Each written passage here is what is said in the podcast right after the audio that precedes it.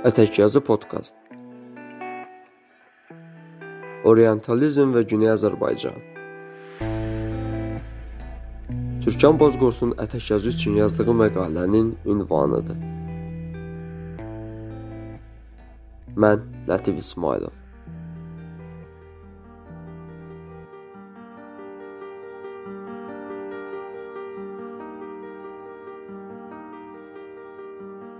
Orientalizm Azərbaycan türkçəsi ilə şərqşünaslıq, şərqçilik olaraq bilinən sosial hadisə ilk olaraq Eduard Səid tərəfindən ortaya atılmış bir termindir.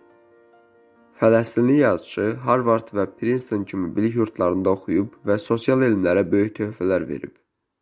İnsan hüquqları müdafiəçisi olan Səid 1978-ci ildə nəşr edilmiş Orientalizm adlı kitabı ilə dünya şöhrəti qazanıb.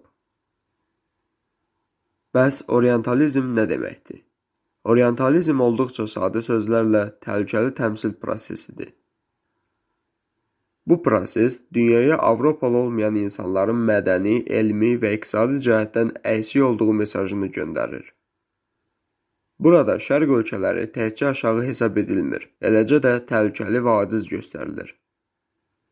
Eduard Səid məşhur mütəfəkkir Michel Foucault-nun işlərindən təsirlənərək daima Qərb və Şərqin güc dinamikasını təhlil edirdi. O, bu prosesi bir Qərb layihəsi olaraq görürdü və bu gün gördüyümüz kimi orientalizm uzun, lakin təsirli bir beyin yuma formasıdır. Media şərqşünaslığın ən yaxşı dostlarından biridir. Qərb mediası dünyaya hakim olduğu üçün bizim normal qəbul etdiyimiz şeylər də qismən onlara əsaslanır. Bunun ən son nümunələrindən biri Rusiyanın Ukraynanı işğal etməyini mediada işıqlandırılmasıdır. Xəbərlərdə bura Orta Şərq deyil və ya bunlar ərəb deyil, savadlı Avropalılardır kimi bir çox irqçi şərhlərə rast gəldik. Niyə dünyanın müəyyən yerlərində baş verən müharibələri normal qəbul edirik, ancaq 11 sentyabr hadisələrini heç vaxt unutmuruq? Niyə baxdığımız bütün filmlərdə terrorçu ya da əlində silah olan adam həmişə ərəb, müsəlman və ya afrikalı olur? Biz ki, ən çox silah alverinin Çin, Rusiya, ABŞ və İsrail kimi ölkələr tərəfindən edildiyini bilirik. Niyə müsəlmanlar qərb ölkələrində öz dini azadlıqlarını həyata keçirmək üçün təhlükəsiz şəraitdə məscidlərə gedə bilmirlər? Amma qərbli missionerlər xristianlığı bütün dünyanı gəzərək yaymaq imtiyazına malikdirlər. Niyə dünyadakı narkotik ticarətinin çoxunun Afrikadan gəlmədiyini bilsək də, həmişə filmlərdə və təsəvvürümüzdə narkotik alverçisi qaradərili bir adam olur. Niyə media Rusiyanın Ukraynanı işğal etməsini pis göstərir? Amma ABŞ-ın Əfqanistanı, İraqı və ya Somalini işğal etməsini yaxşı və hətta zəruri olduğunu göstərir. Və bəlkə də ən vacib sual: Niyə xilaskar, qəhrəman, hamını azad edən insan həmişə ağdərli, sarışın, Avropa görünüşlü bir adamdır? Bütün bu sualların cavabları sizə təkcə əsl güc dinamikasını göstərməklə qalmayacaq. Bu güc dinamikasının necə qorunub saxlanmasının yollarını da işıqlandıracaq.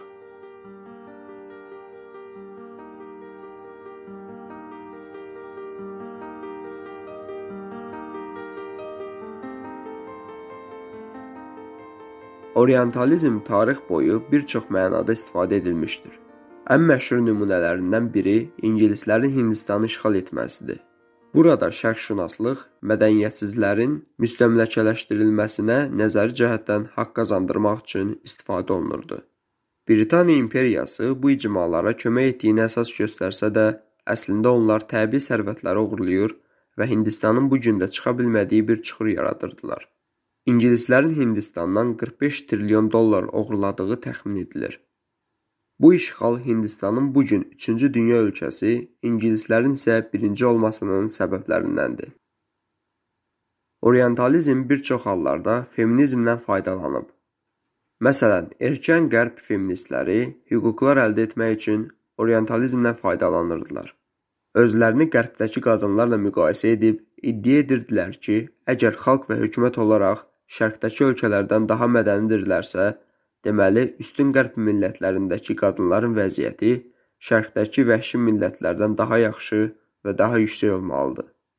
Bu strategiya ağdərili və pullu qadınların emansipasiya edilməsinə və qanuni bir şəxs olaraq görülməsinin səbəblərindən biridir.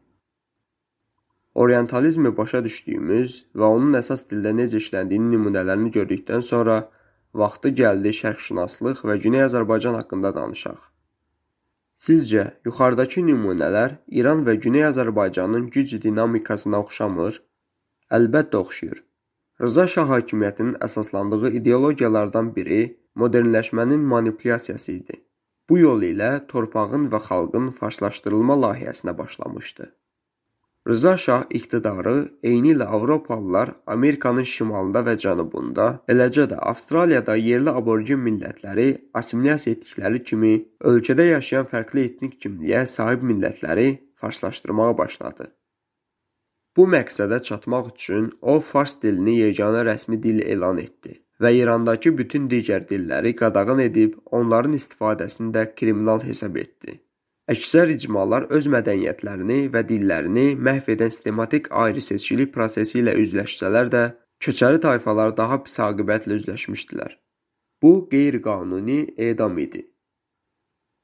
Yuxarıda qeyd olunan hesablara əlavə olaraq bir çox yerlər öz orijinal türk adlarından qoparılıb farsça adlandırıldı və bu strategiya İslam inqilabından sonra bu günə qədər də davam edir.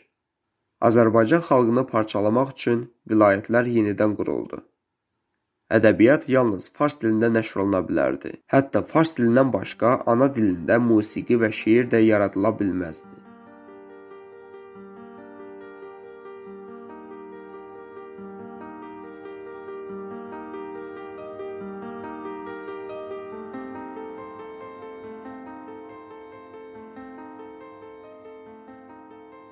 İslam inqilabından sonra vəziyyət dəyişmədi.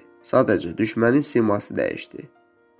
Orientalizm yeni hökumət tərəfindən fars irqinin üstünlüyünü göstərmək üçün istifadə edilməyə başladı. Sözsüz ki, dil İranda istifadə edilən ən böyük və ən təsirli silahdır.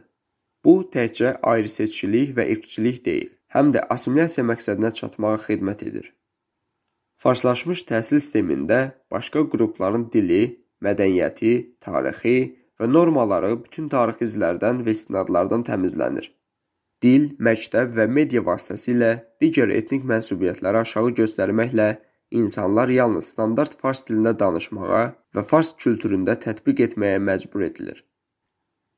İranda zarafatlar belə başqa etniklərin üstünə ayaq basmaq üzərində qurulub. Niyə həmişə bir ərəb, türk və ya lor zarafata əsas olur? Fars mediasında türklər niyə həmişə savadsız, qəzəbli və axmaq kimi göstərilir? Niyə heç vaxt bu mediada bacarıqlı etnik qruplar yoxdur? Niyə hökumət Mana Neyəstaninin türkləri insanlıqdan kənar göstərən karikaturasının nəşrinə icazə verir? Niyə bizim uşaqlara tualet fırçası ilə dişlərini fırçalayan türklərin cizgi filmi göstərilir? Torke xar ifadəsini istifadə etmək niyə normallaşdırılıb? Hadi Hicazfər qürurla türkəm deyəndə niyə hamı ona gülür? Necə ki, Avropalıların yuxarı olduğunu öyrədən sistem qurulub, İran hökuməti də fars etnik mənsubiyyətinin üstün olduğunu öyrədən budaqlar yaradıb. Ümid edirəm ki, bu məqalədən götürdüyünüz bir şey varsa, o da sual soruşmağın əhəmiyyəti olar. Aşkar olandan daha çox olmayan şeylər ilə maraqlanmaq və hər şeyin niyə belə olduğunu düşündürən suallar soruşmaq arzusu ilə.